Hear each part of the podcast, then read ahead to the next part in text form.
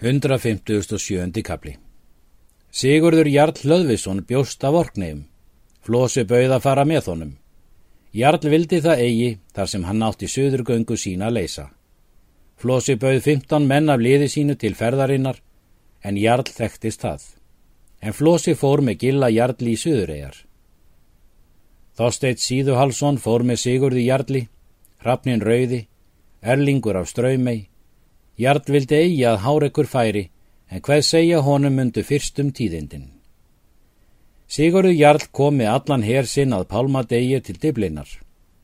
Þar var komin bróðir með sínu liði. Bróðir reyndi til með forneskju hversu gangamundi orustan.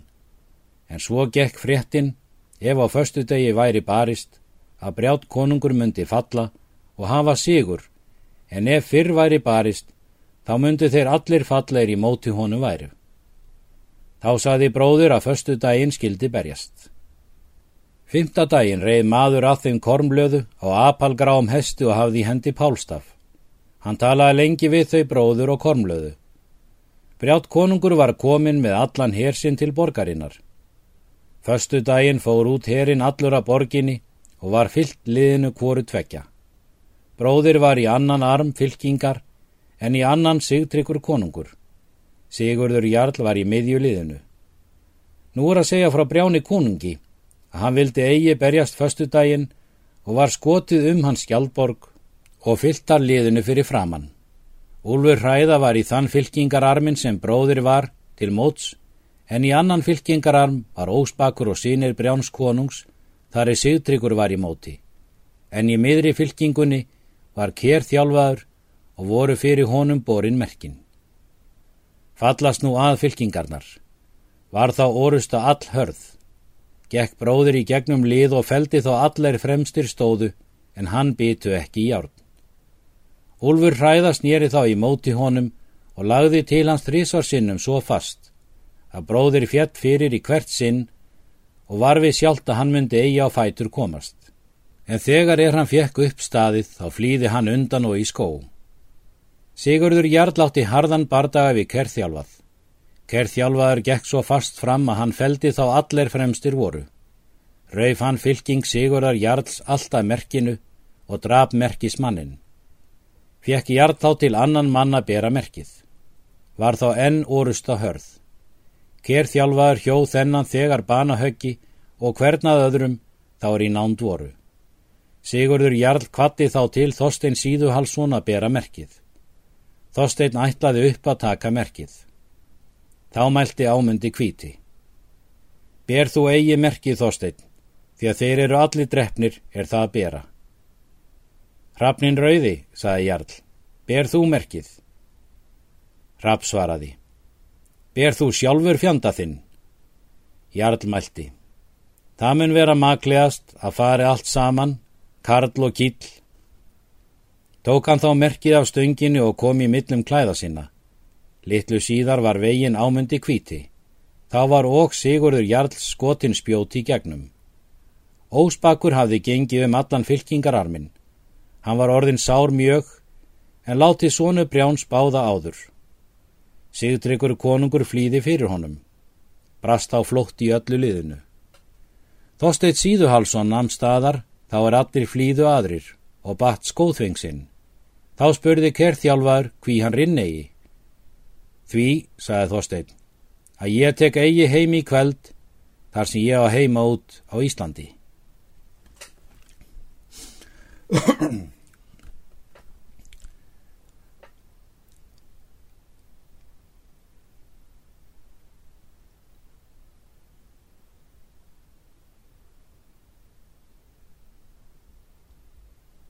Því, sagði Þorstein, að ég tek eigi heim í kveld þar sem ég á heima úti á Íslandi. Kerþjálfar gaf honum grið. Hrafnin rauði var eldur út á án okkura. Hann þóttist þar sjá helvitis kvalar í niðri og þótti honum djöflar vilja draga sér til. Hrafn mælti þá.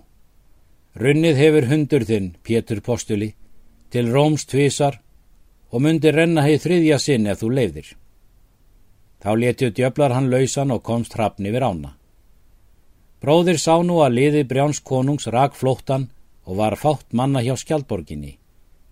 Hljópan þá úr skóginum og rauf alla skjaldborgina og hjó til konungsins.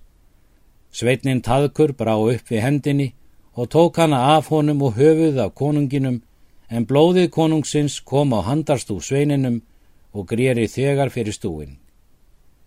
Bróðir kallaði þá hátt. Kunni það maður manni að segja að bróðir feldi brján. Þá var runnið eftir þeim er flottan ráku og sagt þeim falli brjáns konungs. Snýru þeir þá aftur þegar Úlfur hræð á kerþjálfaður. Slóu þeir þá ringum þá bróður og feldu að þeim viðu. Var þá bróður höndum tekinn. Úlfur hræða reista honum kviðin og leiti hann um eig og rakti svo úr honum þarmana og dó hann eigi fyrir en allir voru úr honum raktir. Menn bróður voru og allir drefnir. Síðan tóku þeir lík brjáns konungs og byggu um. Höfuð konungsins var gróið við bólinn. Fymtán menna brennumönnum fjall í brjáns orustu. Þar fjall og haldur són Guðmundar hins ríka og erlingur á strömi. Föstudags morgun var sá atbyrður á Katanesi að maður sá er dörruður hétt gekk út. Hann sá að menn riðu tólf saman til dingju einnar og hörfuð þar allir. Hann gekk til dingjunar, hann sá inn í glugg einnir ávar og sá að þar voru konur inni og höfðu færðan upp vef. Manna höfuð voru fyrir kljána en þarmar um mönnum fyrir viftu og gard, sverð var fyrir skeið en ör fyrir hræl. Þær kváðuð vísur þessar. Vítt er orpið fyrir valfalli, rifs reyði skí, rygnir blóði. Nú er fyrir geirum grár upp komin, vefur verþjóðar, er þær vínur fylla, rauðum vefti, randvið spana. Sjá er orpin vefur, íta þörmum og harðklíðaður, höfðu manna. Eru dreirrekin, dörrað sköftum, járnvarður illir, en örum hrælaður. Skulum slásverðum, sigur við þennan.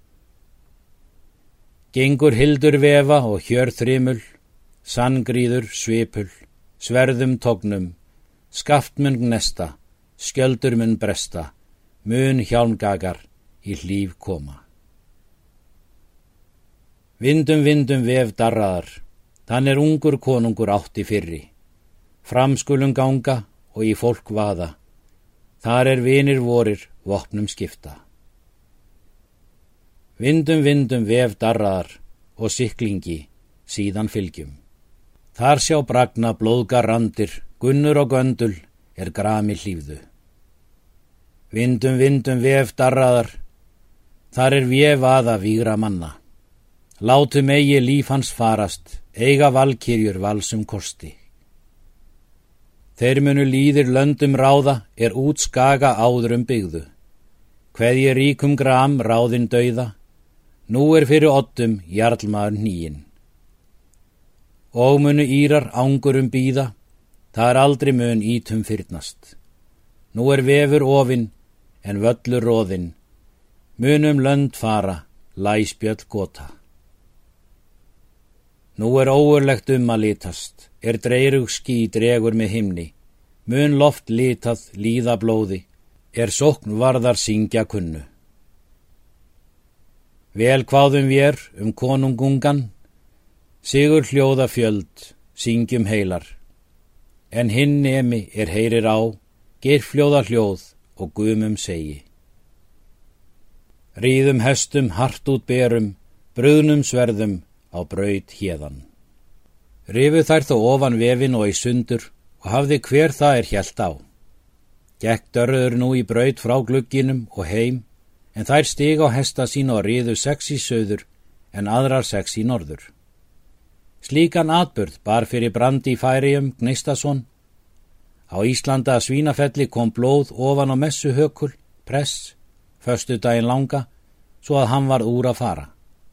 Að þvott á síndis presti á förstu daginn langa, sjávar djúb hjá altarinu og sá þar í ógnir margar og var það lengi að hann mátti eigi syngja tíðirnar. Sá atbyrður varði í orknegjum að Hárekur þótti sjá Sigurð Jarl og nokkura menn með honum. Tók Hárekur þá hessin og reið til móts við Jarl. Sáu menn það að þeir fundust og riðu undir leiti nokkurt, en þeir sáust aldrei síðan og engi urmul fundust af háreiki. Gilla Jarl í Suðuríum dreymdi það að maður kæmi að honum og nefndist herfinnur og hvaðst vera komin af Írlandi. Jarl þótti spyrja þaðan tíðinda. Hann hvað vísu þessa. Var ég þar er bragnar börðust, brandur gall á Írlandi. Margur þar er mættust törgur, málmurgnast í dýn hjálma, sokk þeirra frá ég snarpa, sigurður fjall í dýn vigra, áður téði ben blæða, brát fjall og hjælt velli. Þeir flósu og jarl töluðu margt um draum þennan. Viku síðar kom þar hrappnin rauði og saði þeim tíðindin öll úr brjáns orustu, fall konungs og sigurðar jarls og bróður og allra vikingana. Flósi mælti. Hvað segir þú mér til manna minna? Þar fjallu þeir allir, segir Hrafn. En þósteit máur þinn þá grið af kerþjálfaði og er nú með honum. Haldur Guðmundarsson lest þar. Flósi segir Jarli að hann myndi í braut fara, eigum við suðurgöng af höndum að inna. Jarl bað hann fara sem hann vildi og fekk honum skip og það sem hann þurfti og í silfur mikill. Sildu þeir síðan til Bretlands og dvöldust þar um stund.